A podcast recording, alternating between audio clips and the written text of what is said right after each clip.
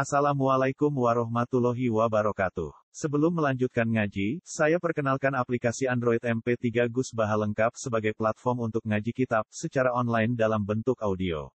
Aplikasi ini berisi berbagai kajian kitab kuning dari Kiai Haji Ahmad Bahaudin Nur Salim. Silahkan download aplikasi MP3 Gus Baha lengkap di Google Play Store. Link download ada di deskripsi.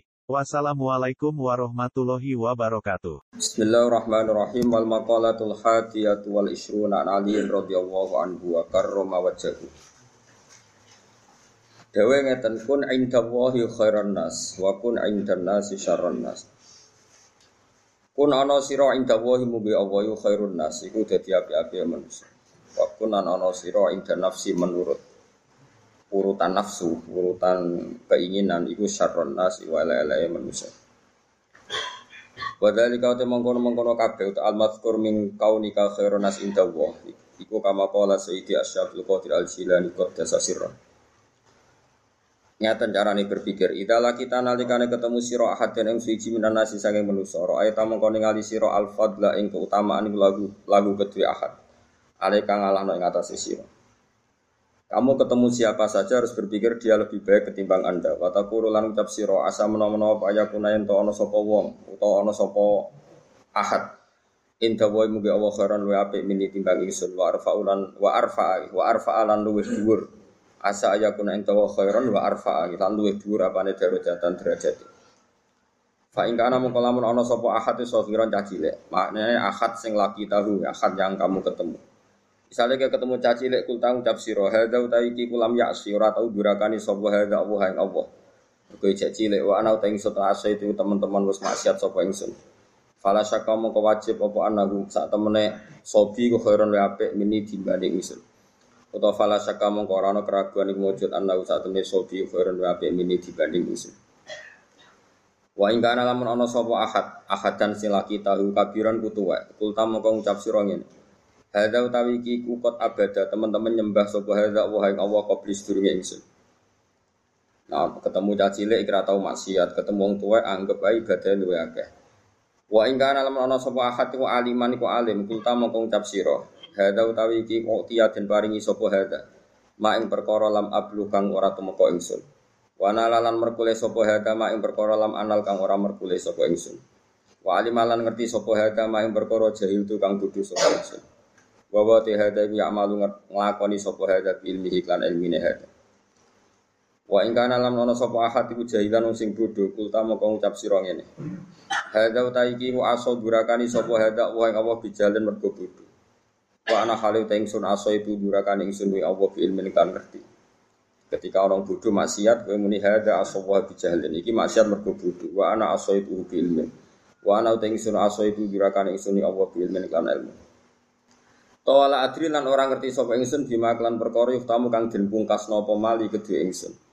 Au bima ta klan perkara yuftamu kang den pungkas napa lagu kedhe akad. Oh kita tidak tahu dia berakhirnya kayak apa. Wa ing kana lamun ana sapa ahadan sing laki tahu kafiron ku kafir. Ulta moko ngucap sira la adri orang ngerti ingsun. Asa menawa-menawa iku ayustima yen Islam sapa ahad sapa kafir, asa menawa-menawa ayustima yen Islam sapa kafir. Fayuf tamu kau dan pungkasi sopo lahu gede kafir di khairil amal iklan api-api amal. Fayuf tamu mongko den pungkasi sopo lahu gede kafir di khairil amal iklan api-api amal. Wa salan menawa-menawa pak anak fura ento kafir sopo ingsun. Fayuf tamu mongko den pungkasi sopo li gede ingsun bisu il amali kelawan ele-ele amal. Terus ini cara melawan takabur, cara melawan takabur seperti tadi yang mulai disebut wa syabdu qadir jalan. Ini kita kitab terus di bab di gitu diulang lagi bab seperti ini. ini hampir semuanya sama ya. E, nopo cara ngendikan ulama semuanya seperti ini. Makanya kemungkinan kiai alim jadi garis lurus itu kecil. Tapi buatan masalah garis lurus tengah nur buatan mesti buatan gula buatan kenal ya, buatan kenal dan saya juga gak pernah berpolemik. Artinya bergaris lurus begini. Saya ini baca hadis banyak dan dari baca banyak itu ada hal-hal yang yang memang kita harus ngambil sikap termasuk sikap tidak ngambil sikap. Saya ulang lagi sikap tidak ngambil sikap. Misalnya berteman orang fasik, ya, orang fasik itu ya macam-macam. Kita kita sebagai fakih ya, sebagai orang yang mengkaji fikih itu memang fasik itu dibeda-bedakan ya. Ada fasik yang dia ada sholat subuh, ada sholat zuhur, terus eh, dia mungkin sering zina dengan lonte, dengan macam-macam lonte lah. Contohnya nggak punya suami. Ini fasik masih kategori fasik pasif, artinya dia fasik, tapi hak agamnya masih rendah. Ini boleh kamu nggak bersikap tegas. Tapi kalau faseknya itu menzinai istrinya orang, faseknya itu menculik anak-anak atau membunuh orang, atau fasek mencuri harta orang, ini tentu kita harus tegas, meskipun tanpa menfonis orangnya, tapi hukuman perilakunya harus tegas. Saya ulang lagi, jangan karena kitab ini, ini kitab Nasihul Ibad ini kan Ya pas tepaan saja, pas tepaan saja beliau ngendikan tentang haramnya ketakabur dan cara mendidik takabur itu begitu. Setiap orang dipandang lebih baik. Saya ulang lagi, di, setiap orang dipandang lebih baik. Tapi masalah kita secara fikih adalah bahwa orang itu punya kewajiban. Di antara kewajiban itu nahi mungkar. Dalam tema-tema seperti ini mungkin orang-orang yang garis lurus, orang-orang yang mungkin di ormas-ormas keras lebih baik. Caranya gimana? Tadi kita milah-milah sesuatu yang efeknya itu mutaadiyah, sesuatunya itu efeknya ke mana-mana. Misalnya begini, ini rumah tenan, awas nak salah rokok. Begini misalnya, Rasulullah itu pernah ngetikan gini, dosa paling besar itu apa? Nabi pertama jawab al billah, syirik. Dua, kotlun nafsi, membunuh. Tiga, antuzaniyat bihali latijari, menzinai istri tetangga kamu, atau umumnya istrinya orang lain. Sehingga dalam Islam tidak ada orang membunuh orang lain terus kemudian ditakwil. Jangan-jangan punya motif yang positif. Tidak bisa, ini kriminal. Loh. Makanya jangan sembarangan kamu bilang misalnya kita harus berbaik-baik orang fasik. Bisa saja nanti khusnul khotimah. Fasik yang mana? Urusan khusnul khotimah itu urusan Tuhan. Tapi kalau fasiknya ini dengan cara yang muta'adiyah, yang efeknya itu merugikan orang lain. Kue iso nyabari orang yang menculik anak kamu, yang menculik istri kamu. Tapi kamu bisa mensabari orang yang nggak pernah sholat subuh. Ulang lagi, gue iso kan nyabari orang nggak sholat subuh, nggak sholat duhur, bisa kan? Tapi nak menculik istri kamu, anak kamu, tidak bisa. Syariat pun mengatakan tidak bisa. Orang membunuh orang lain ada kisos. Orang menzina setelah kawin ada raja. Bahkan orang yang menculik, menggarong dan membunuh itu nggak boleh langsung dibunuh. Itu ada yang dicongkel matanya, yang disalib macam-macam. Harus keras hukumannya dalam hukum Islam. Makanya nggak boleh ngaji satu kitab hanya karena satu kitab terus kita ngaji terus tawadu, ambil uang sing mata ini bujumu ya tawadu, ambil itu gendeng jadi orang orang tawadu tapi kok Jelas ayat ini innama jazaa'ul ladzina yuharibuna Allaha wa rasulahu wa yas'auna fil ardi fasadan ayyuqtalu au yusallabu bukan sekedar dibunuh tapi apa? Disalib. Au tuqatta'a aydihim wa arjuluhum min khilafin au yunfau minal Sebelum disalib tangan kanannya misalnya dipotong, tangan kirinya dipotong atau selang-seling tangan kirinya dipotong, tangan kanannya dipotong. Autokoto aidihim wa arjuluhum min khilaf. Min khilaf itu di apa? Diselang-seling. Itu hukumannya keras sekali. Itu juga misalnya maling yang melebihi rubu dinar. Meskipun kita tidak bisa melakukan hukum itu karena kita di negara Pancasila, itu nggak masalah. Kita tidak melakukan itu. Tapi kita tahu kadar emosinya Allah, kadar dukanya Allah, kadar dukanya Allah dan Rasul. Saya ulang lagi ya. Saya pernah ngomong ini, matur ini di depan Kiai Kiai Kajen. Jadi begini, maksud saya kenapa saya cerita ini. Kemarin saya juga pas hari apa ya. Tanggal kemis itu kan tanggal 1 Muharram, berarti Rebu. Kemarin Rebu saya ada acara aswaja di Tayu dengan Gus Yofur, terus saya habis itu ngajar Mahat Ali di pondoknya Mbak Sahal. Saya ngomong begini, hukum itu kamu tidak harus bisa melakukan karena untuk mengeksekusi hotel misalnya pembunuh itu butuh hukum negara. Dalam konteks ini negara Islam, kamu nggak boleh misalnya sama pembunuh anak kamu, kamu langsung membalas apa? Membunuh tanpa hukum apa? Lewat hukum negara, memang aturannya gitu. Semua sahabat dulu nggak pernah langsung membunuh pembunuh ayahnya, tapi matur Nabi dan lewat pengadilan, lewat keputusan negara. Itu juga orang zina nggak langsung dibunuh, tapi lewat Nabi dan terserah Nabi memberi hukuman apa. Tapi hukum hukum pokoknya boleh dirajam. Itu saja saya katakan boleh kenapa? Berkali-kali orang ngaku zina sama Nabi sama Nabi kok kena ngipi tok, kok nangkue ngambung tok. Dan beberapa kali disarankan juga hal satarta. Mbok ya kamu tidak usah apa? Bilang, kamu tidak usah ngomong. Jadi tidak langsung dirajam tapi sekian dikasih. Nah, sehingga terus karena Nabi dulu menyarankan istitar, gak usah ngaku, akhirnya saya ngaku kakian nanti saya bukan karena memang dulu prosesnya juga di dipenging nopo ngaku. Saya kira usah dipenging wis ngaku kabeh. Makanya saya bilang rajam itu tidak wajib juga, hukumnya begitu. Tapi zaman Nabi pun banyak yang ketika lapor pernah zina sama, sama Abu Bakar, sama Umar disarankan halah satar tahu bidelik mana nih, boyau kamu itu istitar, tapi kemudian anda to tobat. Ini penting ya, saya ulang lagi ini penting sekali karena kalau kamu berdalih negara Indonesia itu tohut, tidak ada rajam, tidak ada kotu sarikoh, tidak ada macam-macam. Pertanyaannya itu begini loh, setelah hukum rajam tidak ada, hukum kisos sama pembunuh tidak ada. Setidaknya kalau kamu tahu hukumnya kotilun nafsi itu kisos, kamu tahu tingkat murkanya Allah. Kalau kamu tahu tingkat murkanya Allah, misalnya di kisos gak ada, kemudian negara modern dihukum seumur hidup, kamu harus setuju. Tapi dihukum seumur hidup ini kamu bukan setuju karena itu pengganti kisos. Saya ulang lagi, pengganti nopo? Enggak, tapi kamu harus setuju biar pantas wong dolim itu dapat hukuman. Ya pantas wong dolim itu dapat. Tapi kamu tetap harus yakin kalau kisos lebih baik ketimbang hukum seumur hidup. Tapi jangan lalu kalau tidak kisos terus nggak nggak usah sama sekali. Jangan itu wong mutung. Nopo? Wong nopo? Mutung. Dalam kaidah fikih tidak boleh seperti itu. Jadi malah yudroku kulu, la yudroku kulu. Kalau tidak bisa ideal, ya jangan sama sama sekali. Guiling-gilingan. Guiling-gilingan, nah orang yang berbuat dolim, lahum fit dunia khizyun di dunianya harus dapat kehina, dihina. Begitu juga menyangkut lonte, sundel dan sebagainya, copet. Misalnya ada orang jadi lonte karena ini negara modern, demokratis, nggak ada hukumannya. Itu urusan hak asasi manusia, apalagi dia tidak punya suami. Oke, itu urusannya.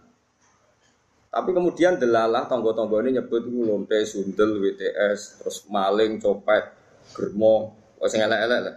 Cara orang nganggur ya sampah masyarakat, gento, macam-macam lah.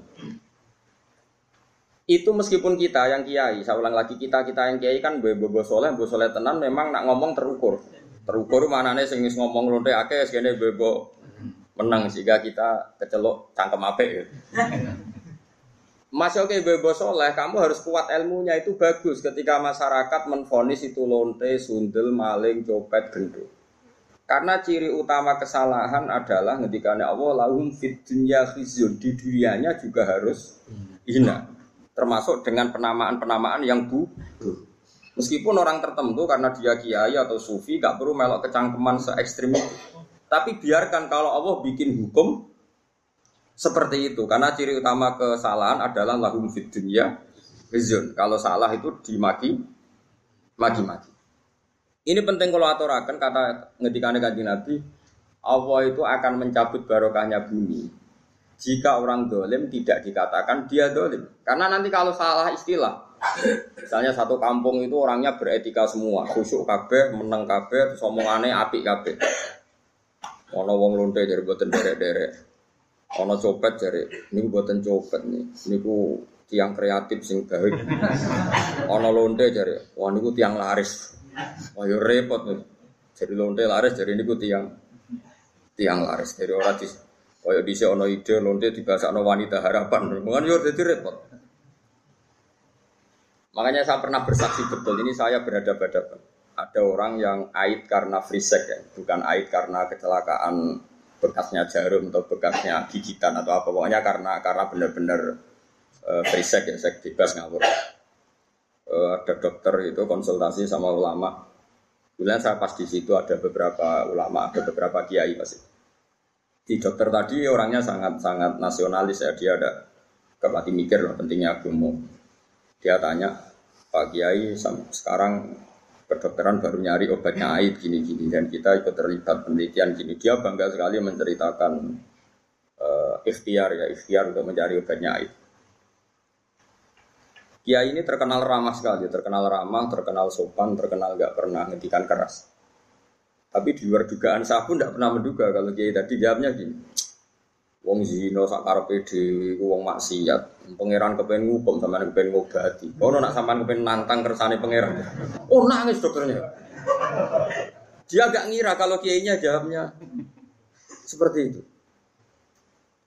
Sama, orang copet itu kan merugikan orang banyak. Gawa bojone wong zina merugikan orang banyak. Kemudian masyarakat kita sudah menghukum dia sundel, dia copet, nak menotobat. Setidaknya ini gak jadi komod, karakter yang dimaklumi. Kalau perilaku ini dimaklumi kan malah repot kita. Anak kita zina tidak merasa salah, istri kita, saudara kita, karena merasa di situ gak diperlakukan secara sinis. Barokahnya diperlakukan secara sinis kan lumayan, ada ketakutan. Paham ya? Paham ya? Nah seperti ini ya biarin Allah bikin hukum lahum fit dunia khizyun di dunianya pasti ada unsur dina. Entah kadarnya gimana itu terserah pengira. Misalnya kalau orang bodoh jadi imam, motornya surat sih di fatihah, terus, terus, terus dikeluarkan dari masjid, mau duduk jadi imam keben. Nak rata ono kejadian itu sok bodoh-bodoh pede, terus imami nyanyi Indonesia Raya kan yo repot. Jadi kita ini harus ya harus mikir juga. Mergo masyhur itu. Ana wong saking bodhone iku mau belajar fikih, kok fikih kabeh ana khilaf. Bareng dene mondok Mekah, nek Mekah mau dolanan tok. Tiap takoki masailul fikih disebut fihi kaulani. Ini ada dua pendapat. Wong pertama ngirane alim kabeh. Wong kok kabeh roh iku ana khilaf. Terus harus sing mangkal takoki. Bah, hukumnya demenan bi fihi kaulani berarti sarap karwan demenan kok fihi kaulani demenan dan rokok ngawur demenan itu hukumi fihi kaulah kode ini itu mau latihan ibu-ibu alim. Orang alim tapi ibu-ibu paham ke sehingga dalam banyak hal misalnya riba. Saya tidak mengatakan bunga atau riba. Riba itu dengan bunga itu kadang sama kadang enggak pokoknya riba. Allah jelas ngendikan jika kamu tidak meninggalkan riba, maka fa'dhanu biharbim minallahi wa rasulih. Kamu harus beri pengumuman kalau orang yang riba itu sama dengan memusuhi Allah dan Rasul dan menantang perang. Jadi fa'dhanu biharbim minallahi wa rasulih. Ya, harus jelas. Paham ya? Dari sekolah suwon kayak ngerasani itu. Ngerasani itu hukumnya haram. Tapi Allah ila yaumil kiamah apa gawe wong ngerasani itu banyak. Mereka nak gak ono ngrasani iku wong maksiat ku yo penak, ora ono pengadilan sosial. Ora ono pengadilan apa? Sosial. Tapi nak ono sing ngrasani kan ini jadi kontrol. Dia jadi nopo? Nggih, misalnya no hamil di luar nikah. Wah, ini produk gagal. Wah, kena apa rabi ke susu? Lah kena kan jadi akhirnya satu keluarga malu, terus mereka yang belum kena di komitmen jangan kena supaya tidak malu di depan masyarakat ini barokah sekali pengadilan-pengadilan seperti ini. Nah, untuk yang kiai, yang imam masjid, sing kecelok khusyuk, tokoh masyarakat, mereka itu gelar tokoh rujukan, ya kudu ibu cangkem apa? Sing ibu tapi kejo tenanan. Kamu harus tetap membiarkan cangkem-cangkem melek ini berkeliaran karena ini pengontrol, apa? Tapi gue mau kiai, kecelok serbana, jumatan minyakan, terus kan juara apa? Antas melok cangkem elek. Sebebo khusyuk, sebebo anteng. Tapi kayak kudu dukung no. Pergerakan cangkem nopo. Elek. Jadi kita trik jadi kiai alim paham ya. Enggak ya kayak bebo, nopo bebo kayak pulau. Pokoknya sementing, pokoknya kayak pulau nanti kudu anut. Lha pancen ngoten. Kalau ini termasuk matur teng aswaja teng tayu matur ngoten. Rasulullah itu unik, figur yang unik. Misalnya begini. Mustafa kok mati ngombe Mustafa era pantas ya. Apa? Zaid ya Zaid gak pantas. Zaid itu song soleh ya agar berdoa. Pokoknya orang uang mati bergoplosan. Nah, saya mati ini bergoplosan. Bekulon nanti ngalami. Mati bergombi oplosan. Kadang-kadang itu gue ya soleh, kadang bayi soleh malah majelis taklim. Putune kurang ajar, ngopi oplosan mati. Mati tenan ya. Mati ra urip. Uh, walhasil rame, iya jelas mati ini oplosan. Wong seksine ada dan komunitas grupnya ada, ono sing setengah mati, ono sing mati tenang. Ya terus kemudian ada yang tanya saya, Gus, kampung saya ngalami seperti itu, saya ini kiainya di situ, sebaiknya saya nyolati apa enggak? Tak tak kok, itu termasuk kitab tak ada di situ. Paling top Gus. Maksudnya kata orang-orang saya ini kiai induknya. Segini aja, sapam-sapam itu, atau wong petani biasa itu konsolat, itu lima tanam gue syarat. Sing gue gue rasul. Ya sing gue gue gue rasul. Ayo nopo. Begini logikanya begini. Ini rumah tenan. Awas nak salah rokok. Jana jatuh muslim. Loh ini saya ngomong di depan para kiai. Ini penting saya aturkan, bukan karena som saya sombong. Ciri khas kebenaran fikih adalah diomongkan di depan banyak, kemudian dikontrol ahlul ilm. Kalau ahli ilm nanti tawa atau setuju ini biar jadi hukum konsensus. Kalau enggak biar dibatalkan bahwa Gus kemarin sesat menyesatkan biar dibatalkan oleh kiai kiai itu. Paham ya? Makanya statementnya orang alim harus di depan para orang alim. Enggak boleh hanya diomongkan santrinya saja. Nanti kalau salah kan santrinya enggak berani. Makanya saya itu malah pede. Kalau saya malah kebalikan. Saya itu kalau matur di depan kiai kiai kajian misalnya ada acara mudah kiai kajian rawuh semua, saya malah pede. Pikiran saya anak salah harus kontrol. Aku rapi malah mulang di sini. Mergo salah yo konangan, bener yo. Ora entuk penghargaan dadi dianggap. Jadi ya biasa ya. Ya. Tapi kan ibadah ya, mulang itu ibadah. Begini logikanya. Ini kalau matur bolak-balik. Saya ngaji di mana-mana matur ini. Komunitas gendo atau orang fasik atau pemabuk itu kalau kita tidak datang, kita maknanya orang soleh atau orang yang sedang soleh pokoknya apel. Mereka kan nanti takutnya punya kefiah baru. Nak koncone minum mati nggak no whisky ya, di situ tuku kelarang tuku Petrus, apa Petrus saiki kenangan ke mati tak ubeni whisky. Engkau pas mati agar digeludung no. Dengan orang-orang soleh tetap datang, setidaknya kefiah Islamiyah ini terjaga. Ya didusi, dikafani, disolat. Si piye ini jenazah itu muslim, jenazahnya orang Islam. Ini saya ngomong di depan para kiai, sehingga tradisi Islam terjaga. Terus gue gelol lah sampai mayit. Tapi piye-piye kita itu khawatir ada tradisi tandingan, yaitu kalau kita tidak datang kemudian dikelola ala orang fasik, kopi sampai arak atau gelundung begini cekinan, remi, repot loh. Wes cara kula, wes sak tahlil bid'ah lah, kan gremeng tahlil lah. Anggap ae ini penolak ceki, wes. wes kan gremeng lah, wes gak ono hadis sunah Rasulullah. Wong zaman Nabi ben tahlili sapa, Nabi jelas warga mbok tahlil ngenyang wong. Karo jene zaman iku ono mudin ngundang sapa. Tapi kira rasa yakin nak tahlil itu ono tuntunan, kayak gak hadis sokai gawe-gawe tahlil kok ono hadis sokai. Wis biasa ono yang terlalu. Awal takut itu yang Gus Anda ini orang alim. Sing takut gitu untuk untuk sunnah rasul. Kenapa datang di acara tadi padahal tidak ada hadisnya. Bodoh tangkem melek kau gue rano hadisnya. Bodoh rano hadisnya geger. Gak ada nabi ngajari tangkem elek. Berarti sama-sama. Sama-sama ra jelas. Sawanin Rasulullah. Nah ini saya ulang lagi ya. Ini rumah tenang ya. Orang yang jelas mati oplosan, pernah juga ada yang tanya orang yang mati bunuh diri. Itu saya pernah ya ada sekitar apa 22 kiloan lah dari kampung saya itu di kampung di atas gunung. Ada orang jadi rontok soleh, wong soleh terkenal soleh ya. Justru karena soleh terlalu soleh kuper, tapi soleh kuper. Bujone ayu tiga wong itu mati malah bunuh diri. Kehilangan bujo, kehilangan awake. Nah, itu kiai temannya itu Tanya ya kasusnya itu, itu nggak ada yang berani nyolati karena mati bunuh diri itu kan hukumannya berat. Ya kayak mati oplosan, mati bunuh diri, mati firor anisyafi, lari dari perang, atau mati pas di tempat maksiat, tempat mesum, macam-macam. Ini caranya gini, cara berpikir kita. Kalau kita tidak datang, kita ini siapa saja, ada harus orang banyak.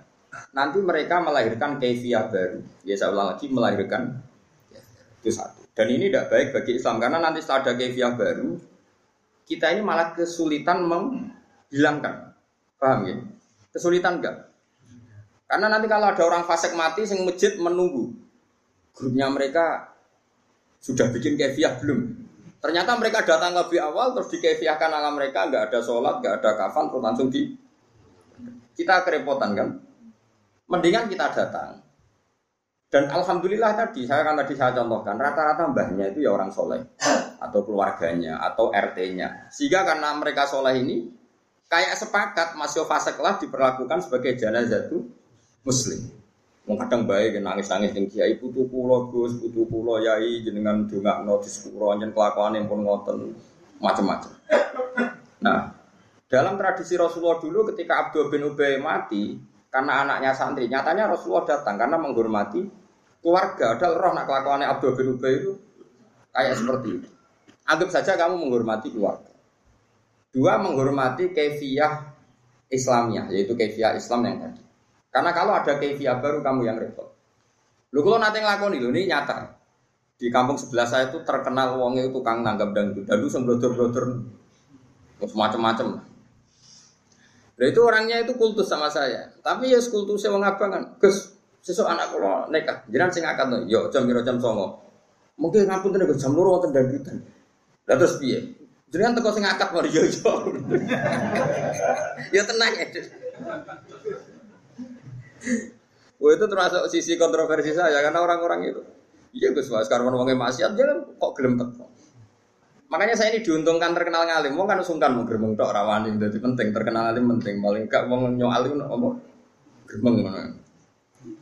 Karena pikiran kita sederhana, kalau kefiatun nekah orang alim tidak mau datang, lalu mereka kalau bikin kefiah baru juga kita kesulit, kesulit. Setidaknya dengan mereka masih butuh orang alim, ada kefiah sing mujma aleh yaitu cara nemati nemayit oplosan lah ya didusi di kafani di pendem saya sebut satu-satu ya didusi di kafani di solati di pendem kefiah ini kah ya dinekah ini atau wakile dengan dua saksi? Wes.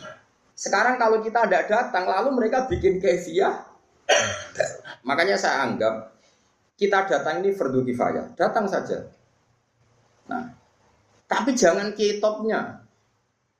Nanti kalau kitopnya datang semua, punya pikiran begini semua, lalu bedanya yang yang sholah be fasik.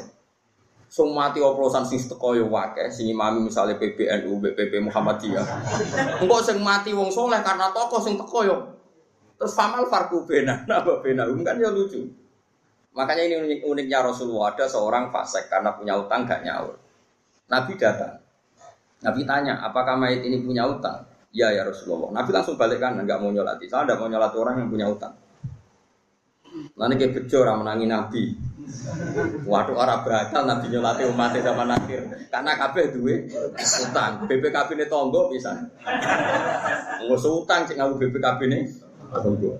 Iya gitu.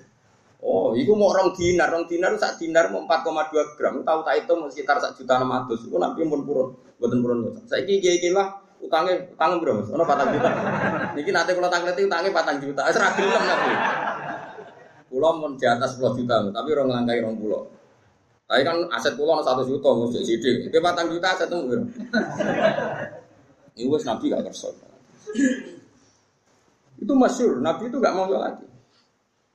Tapi sebelum nabi gak mau nyolati, nabi ngendikan gini, itu masyur di hati-hati. Sallu ala sohibikum. Aku ranyolatillah, tapi kue-kue itu tetap. Ya. Sehingga kata Imam Nawawi dalam Sarah Sahih Muslim mengatakan, jika ada orang fasik meninggal, maka sebaiknya kitopnya itu gak usah ikut nyolati. Taruh saja orang kan sepakat lah, misalnya di kawasan Rembang, Mbah Mun, di Hajen misalnya dulu Badullah, di Kudus misalnya dulu sepakat orang Barwan. Ini kan kayak kitop yang mujmalah. Ini sebaiknya tidak usah nyolati, karena ini nanti jadi apa? Jadi apa? Ukuran. Ternyata mau fasik lah ya disolati wong tok tok. Ya sing nyolati cukup ya Mustafa terus teko be kukur-kukur terus terus salate rapati fase pokoknya sementing ono ono salat Iya, dengan ada sholat ini berarti ada keberlangsungan tradisi Islam dalam mengelola jana. Paham ya? Atus kalau ngangkat none kamu, artisnya dari itu sudah teko, sudah delok. Tapi piye sing ngangkat no kiai, misalnya kiai rata teko terus diangkat no penyanyi penyanyi dangdut malah Yes, pokoknya niati dengan kita datang berarti kefiahnya ala kefiah Islam. Ini penting kulatur, no ben ora terlalu garis lurus ya garis bingkong. Ngerti duduk perkara hukum itu Ya, jadi ini penting kulaturakan. Penting sekali ya. Jadi itu kefiah yang dilakukan para ulama dulu. Ya, solu ala sohibikum jari dawi nabi senajan to aku ranyolati tapi itu kudu tetep sudah itu berhenti share. Suatu saat ada kejadian lagi sahabat yang punya utang mati. Nabi rawuh juga. Ketika diberitahu kalau orang ini punya utang Nabi tidak kersa nyolati. Terus kota ada ini sahabat bilang ya Rasulullah utangnya mayit ini aku yang nanggung sehingga mayit ini sudah tidak punya utang lagi. Nabi kersa nyolati. Sehingga terjadi tradisi Jawa kalau ada mayat itu sebelum dilepas semua utang dialihkan sama keluarga atau di Ibrono. Tapi saya mending gue sayangnya saya ngutang gitu. Mulane kula niku kula termasuk ra cocok. Adat niku cocok separuh, ra cocok separuh. Nggih. Nah, boten amprat jaran Ibrono nggih, nggih. Saya mending gue sing ngutangi to. Boten wong ra jelas-jelas bunga-bunga. Nggih. Ebro itu sah itu dari yang utangi apa dari yang bengok-bengok? Dari tapi itu lumayan, setidaknya ada tradisi bahwa maklumat bahwa utang itu diambil alih yang nopo Makanya kata Imam Nawawi gini, Imam Nawawi lucu nanti kan. Kira usah soleh, usah kecangkeman, orang diutang rabu solati.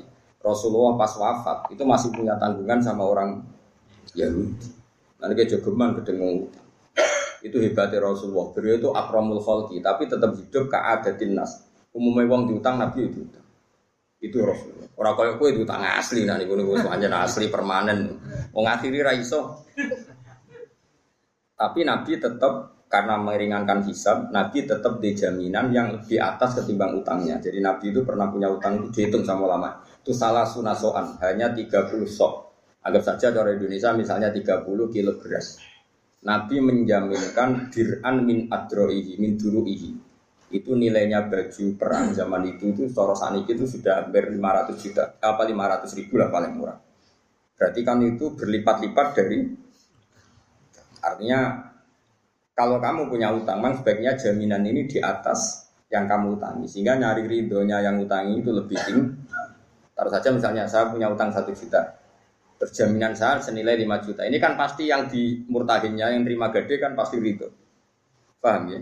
Bukan karena hitung-hitungan bang takut reso nyaur terus naik naik buatan buatan karena itu ini kita ada orang-orang yang seperti itu. Bisa ulang lagi ya.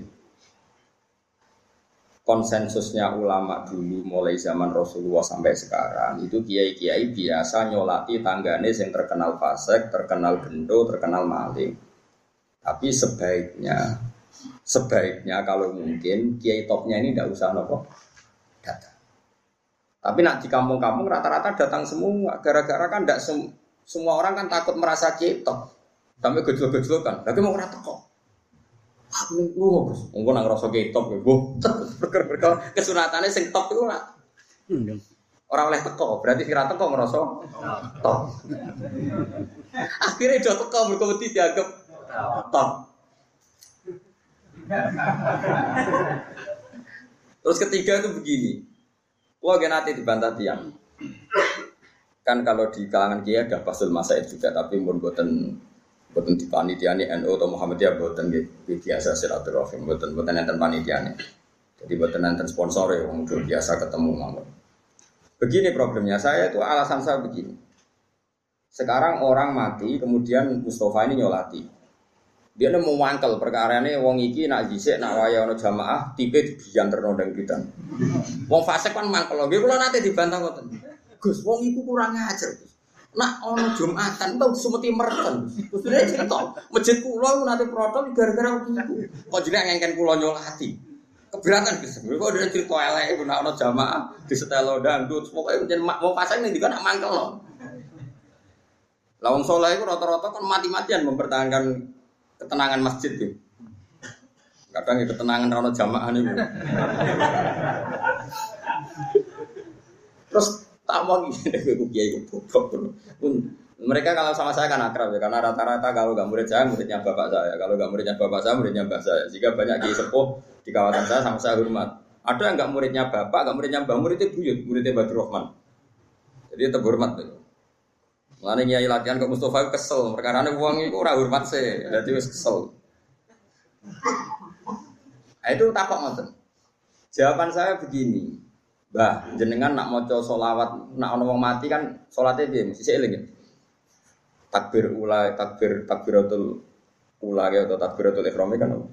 Takbir ula Fatihah, saniyah maca solawat. Terus ketiga ini kan untuk masalah. Dongakno mayit takbir keempat salam. Sebenarnya setelah takbir keempat itu langsung salam, tapi ada di Indonesia kumpul ujuk suwi salam salam. Kalau nyolati jenazah teng Mekah, itu angger takbir keempat ya langsung Iya gini misalnya. Kalau nanti makmum Said Ahmad angger takbir keempat ya langsung ini Indonesia bertakbir keempat cek suwi. Cek suwi tuh. Yang magelang cek suwi. Malah sing suwi ya.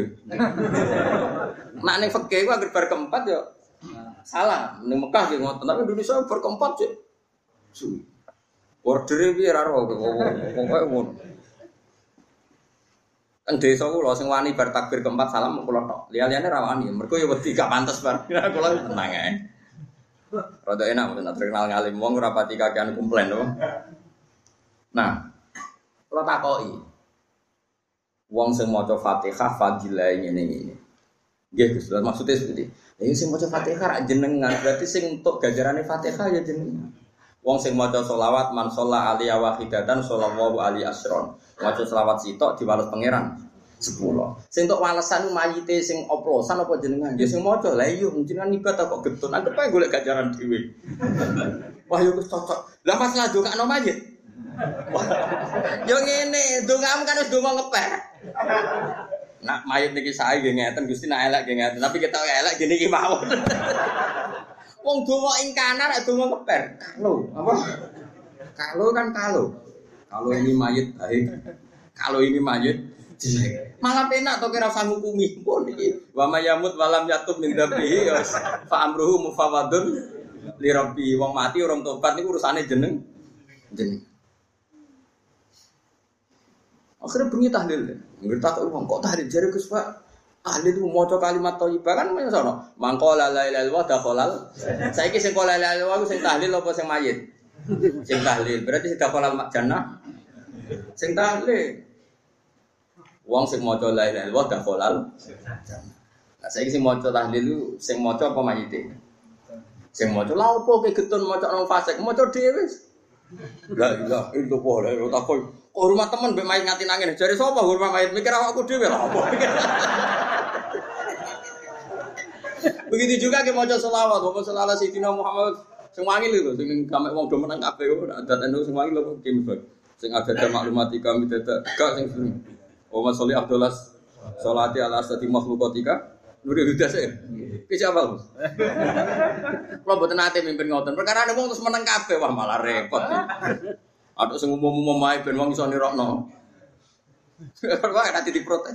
Gus, kiai-kiai sing ngangil lho jenengan sing ngangil. Aku sing ngangil ke meneng yo terus iku ae. Agar sing ngangil kan kiai ini tok sing ngomong. Liyane apa? Meneng. Akhirnya aku ganti selawat sing umum ae ben ben bareng-bareng kan gajarane luwe akeh. Tapi nak koyo kiai anyar Mustofa resiko dagep rapal. Nah, nama aku kau saman, masih nganggo lafat sing terkenal sing muni Gus apal sopo.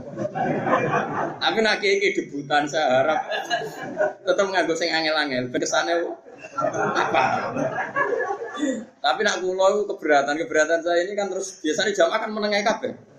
Meneng ta Mas ning kono Wangi lho Mas. Masyaallah Abdullah salat al asadi makhlukati kanu huda sayyidina. Mulana Muhammadin terus. Ada ada maklumat di kami ada kalimat itu. Pokoknya wong ada urun, urun. Serepot ini. Jadi kiai ya macam-macam, wonten sing madhabe kados kula sing gampang-gampang, penting diwaca wong akeh. Ono sing. Lah kok wong kan padha Mas, dari wong melok toreko wong. La ilaha illallah al-maujud. Apa maksud? Urutannya mana nih?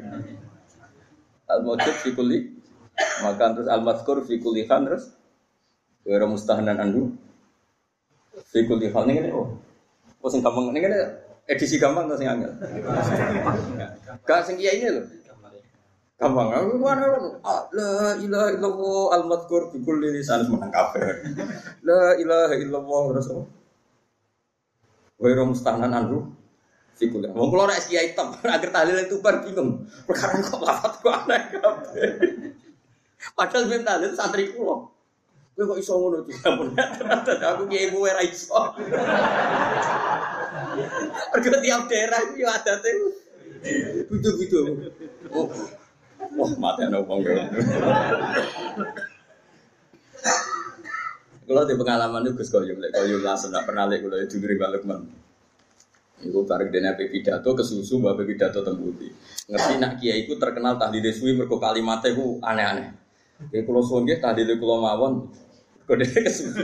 Terus jak maca kul huping telu lha pun nggih terus pidato. Mergo kuwatir nak kiai iku ra barbar. Mergo pas kesusu lah nak kesusu nggih, Bos. Ini cerita, jadi Nah, kefiah seperti ini itu kan baik. Kalau di orang fasik kefiah ini tidak kita datang karena takut mangkel lah mbek mayit tunggu semayit gendong kok tak no. Oke, dari segi itu berhak kita mangkel wong dolen. Masalahnya kalau kita tidak mengisi tradisi ini, diisi oleh tradisi mereka, mereka terus ceki, minum-minum, lebih sulit lagi kita menghilangkan. Mendingan gelo-gelo sidik, ngempet-ngempet Sidik tekon yang majelis niati ngurip-ngurip tradisi Islam. Senajan tuh kue gedeng maji, maji. Gedengnya mulai sobo ilangi, gak apa-apa. Pembagian maji itu lalas yang dicolong ya dunyamu. Masjid yang di imamane itu sini pun kena mercok deh. Wajar uang nak pasang yang desa kan harus parah tenan. Kata desa kulon aman ya wonten kiai mulai buyut-buyut. Desa-desa debutan itu repot. Biasanya langgar jadi sasaran. Lan kula sayang Mbak Mustofa ki debutan wangil kan wabot. Wabot ya itu neng ono dilarakno ono macam-macam. Ya saya ulang lagi ya. Jadi ini supaya sampean tahu. Jadi tapi kalau kefasikan itu yang mutaadiyah tadi hanya saya kayak yang bojone orang yang membunuh, kamu nggak boleh ngendikan yang lunak harus keras.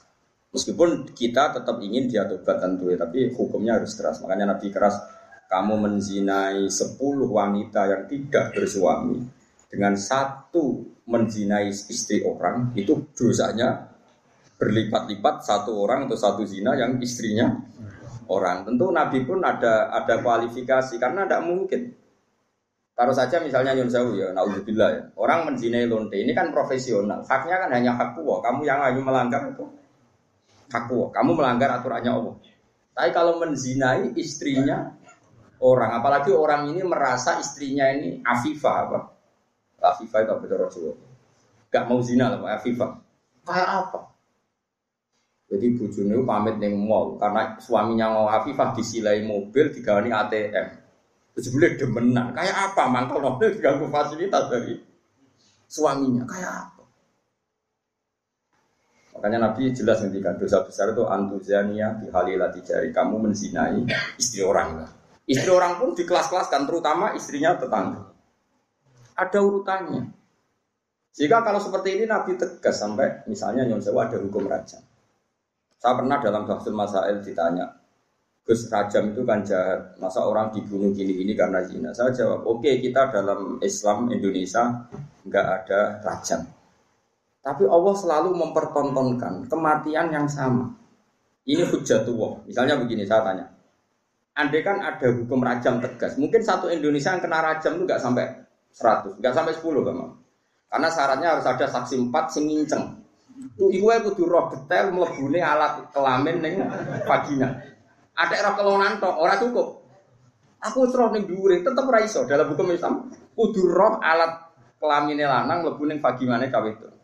Kan ra roh. Terus rohe papat kudu bareng. Ada gentenan yo di tidak diterima. Terus parah meneh saksi papat iki kudu adil. Ada pegawai yang nginceng yo adil. Jadi kemungkinan kemungkinan tercapai tercapai rajam kan ada saksi empat yang melihat langsung alat lelaki kelamin masuk di vagina. Terus wong gak fasek, termasuk fasek sing pegawai ade. Misalnya sudah Mustafa Adil, Lo kok nganti roh? Kok pengen gitu? Lo soleh. Oh soleh sing ngencengan. Nah, kemungkinannya, nah oke, okay. berarti yang kira-kira yang kena rajam itu hanya 10. Bandingkan tanpa hukum Islam kayak di Indonesia, yang mati karena cemburu berapa? Ini bukti bahwa hukum Islam itu benar. Kita membiarkan hukum zina seperti ini di Indonesia. Tapi gara-gara cemburu, istri membunuh suami, suami membunuh istri, pasangan muda membunuh pasangan selingkuhannya macam-macam. Gara-gara perzinaan wong ape zina terus wedoke ngomentari Mas piro ngadus sing lanang tersinggung di tekek mati. Nah ini kita harus dengar ini supaya kita jadi tambah iman. Ternyata tidak ada hukum Islam yang katanya mereka kejam rajam. Ternyata hukum yang dibiarkan liar lebih kejam karena karena cemburu membunuh, karena tersinggung sama pasangan lontenya membunuh. Kan natijahnya sama, sama-sama menghilangkan nyawa. Maksud saya, yang ngaji saya tak kasih tahu. Oke, kita tidak pakai hukum rojam, tapi Anda harus tetap tahu di luar hukum rojam, toh lebih ya.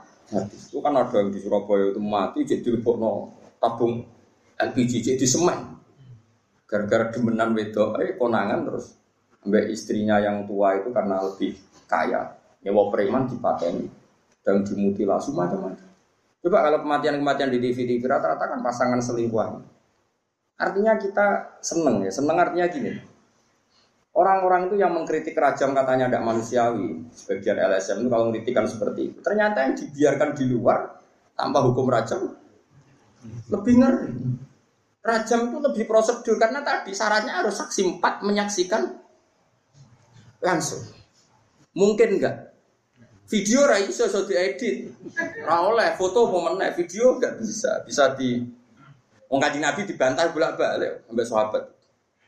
Ya gara-gara Nabi itu kan saking api uang. Sahabat ya saking mangkele wong. ya Rasulullah, aro'ai talau anna rojulan wajada indam ro'atihi rojulan wakot kana kata wa itu disebut Ya Rasulullah, misalnya ono wong lanang. Pertama ini takut lau. Ono wong lanang mulai mergo ibu june ku ning ning dhuwure ono wong lanang liya. Mada afal. Terus kalau sing dilakoni tiang niku mada afal dilakoni nopo? Nabi cek jawab, yo al bayinah wa ila khudda ala dhori. Kudu ono saksi. Nah ora kue sing tak jilid perkara ini kue kodak nuduh orang. Nah, Pin, nopo ya Rasulullah bayinah? Iya bayinah, pinten papat. Kalau golek konco sedeng bar jadi Kulo kan golek wong papat sedeng bar. Kok do pinter mesti. Nabi aja ngotot yo ras pokoke al bayina wa illa khudala tori yo tetep nak robe. Nah saya itu berkali-kali pasul masail yang seperti itu. Menurut saya itu benar Nabi. Saya ulang lagi itu benar Nabi. Tentu Nabi itu paling benar. Bukan karena kita kultus saja logikanya begini. Oke dalam konteks orang soleh kayak Mustafa mungkin cerita seperti itu benar. Ya cerita seperti itu tapi problemnya wong lanang si rasoleh itu ya akeh. Wong lanang si rasoleh soalnya melaporkan istrinya karena wis rasoleh kepen megat. Pak Hakim melapor. Tadi malam saya mergoti istri saya selingkuh, maka harus diceraikan. Kalau hakim itu menerima semua orang, nanti semua orang kalau manggil istrinya akan menuduh istrinya zina. Dan kalau hukum Islam ditegakkan, semua yang tertuduh zina dirajam, entek wong wedok. Paham ya? Maka sebaiknya Nabi mah nggak percaya. Paham sih kalau maksud? Sehingga diper sulit. Akhirnya apa? Dalam konteks suami istri ada hukum khusus disebut li'an.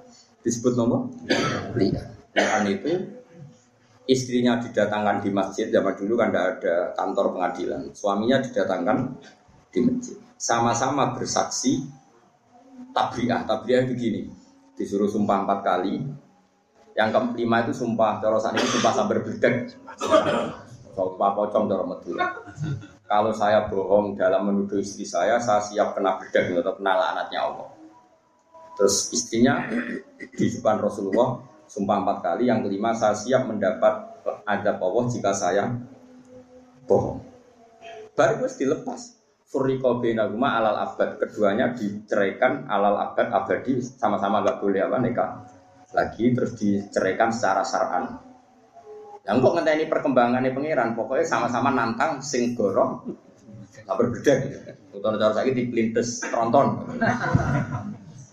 Kalau di daerah saya gitu kan anak pantura. Ada tukaran gitu. Aku ada nganti melok wong iku. Tabrak truk. Terus yang musuhnya, ojo truk tok, meni tronton. Saking mangkelnya. Saking debat kok ngono. Nak sing belah ya ngono, kecemplung segoro. Supaya apa? Mungkin nak sing biasane Merapi, supaya ke Cokot Ulo kan sesuai daerah apa? Masing-masing. Ini penting kalau aturakan ya. Jadi saya mohon sekali jadi untuk hal-hal yang menjadi hukumannya Allah kamu harus angkat sangat. Iya Allah menunjukkan wong-wong maksiat itu lahum fit dunia. Di dunia itu pantas sih, itu untuk ono inan. Mengenai dalam Indonesia udah rani copet yo, copet. Orang kok ini jenius. Berkali-kali aksi kok gak konangan. Berarti sing dicopet itu bodoh, sing nyopet. Wah yo repot langsung sesuai nak gak ono bahasa hukum nanti begitu. Kalau warani itu orang yang menarik. Sampai banyak orang tertarik. Berarti hebat. Wah yo repot. Lalu kalau seneng Indonesia niku anggap apa? Artinya apa itu? Apa ya? bahasa Indonesia meskipun Nyun Sewu yang melafatkan tokoh-tokoh nasional pun atau TV-TV nasional bahasanya tetap ada razia satpol pp kepada penyakit apa, apa penyakit masyarakat bahasanya masih seperti itu penyakit masyarakat terus ya pokoknya sampah masyarakat masih bagus tapi kan nanti kalau bahasanya dirubah hanya karena nuruti Nyun kemanusiaan Satpol PP memburu orang yang belum dapat pekerjaan. Yang sementara, wah malah kangelan repot. Sarah kula wis bener Bapak. Sampah masyarakat, penyakit. Ini bukti bahwa Allah itu kuasa. Jadi Allah itu gak ada sunnah. Barang maksiat itu delalah secara nasional maupun internasional itu dibahasakan secara keras. Masuk dengan Amerika ada rani lonte gitu. Aku sering bilang film-film barat. Kalau sering bilang yang gue konsensus mawon. Ternyata gambarannya di barat kalau ada istri sah kok suaminya selingkuh ya sing dimarahi ya selingkuhan orang kok selingkuhan marahi istri resminya masih orang barat masih orang negara komunis itu PKI lah neng Cina sing nyolong mbek sing dicolong sing melayu sing sing nyolong lho kok ije islami kok roh nak sing nyolong ora kok sama rata sama rasa terus paham ya Mulane bener zaman Kisah almarhum Nah, kode kulon, wong dari gue PKI gue rawon, aslinya neng hati ini yo duit tahu. PKI mau gaya gaya nando, maksudnya gaya gaya nando. Fitrah manusia itu punya menolak fahaman di Tuhan. Saya ulang lagi, fitrah manusia itu bukan gak ada PKI, enggak, bukan PKI yang organisasi. Fitrah manusia itu punya menolak faham. Buktinya itu tadi, orang yang selingkuh ya delik. Terus PKI lah, nah selingkuh delik tuh. Nah nyolong delik tuh. Lu rawat di pangeran, rawat di hukum kok. Kan wedi nuraninya sendiri. Maling nak konangan melayu. Orang kok sampai kak, oh serana pangeran, dunia kabeh podo sama rata sama rasa. Wes dibagi dibagi ya ora ono. Tetep melayu. PKI je melayu. Jadi makanya agama Islam disebut fitrah tawahilati fatrona saat ya. Pasti pikiran manusia itu ingin ingin Islam. Ini Islam itu seperti tadi. PKI lah dari arti hukum apa anti agama. Ternyata napas nyolong yo. Harusnya kalau dia tidak meyakini itu haram, tidak meyakini itu masalah kan gak perlu. Dele, jadi bar nyolong terang-terangan nih. Disentak sing mah. Iya dunia aku baju Dunia ini sama rata sama rasa. Sembrono ini juga agak dunia. Enggak juga kan. PKI jumlah sama rata sama rasanya di mana ini? Paham ya tadi? Makanya cara Allah, Allah itu nggak bisa nerima orang kode Islam itu tidak bisa karena Allah bikin dalam tubuh manusia itu fitrah dan fitrah ini pasti sesuai dengan Islam. Ini disebut fitrah Allah berarti fatoran nas bahwa agama ini sesuai fitrah nurani manusia.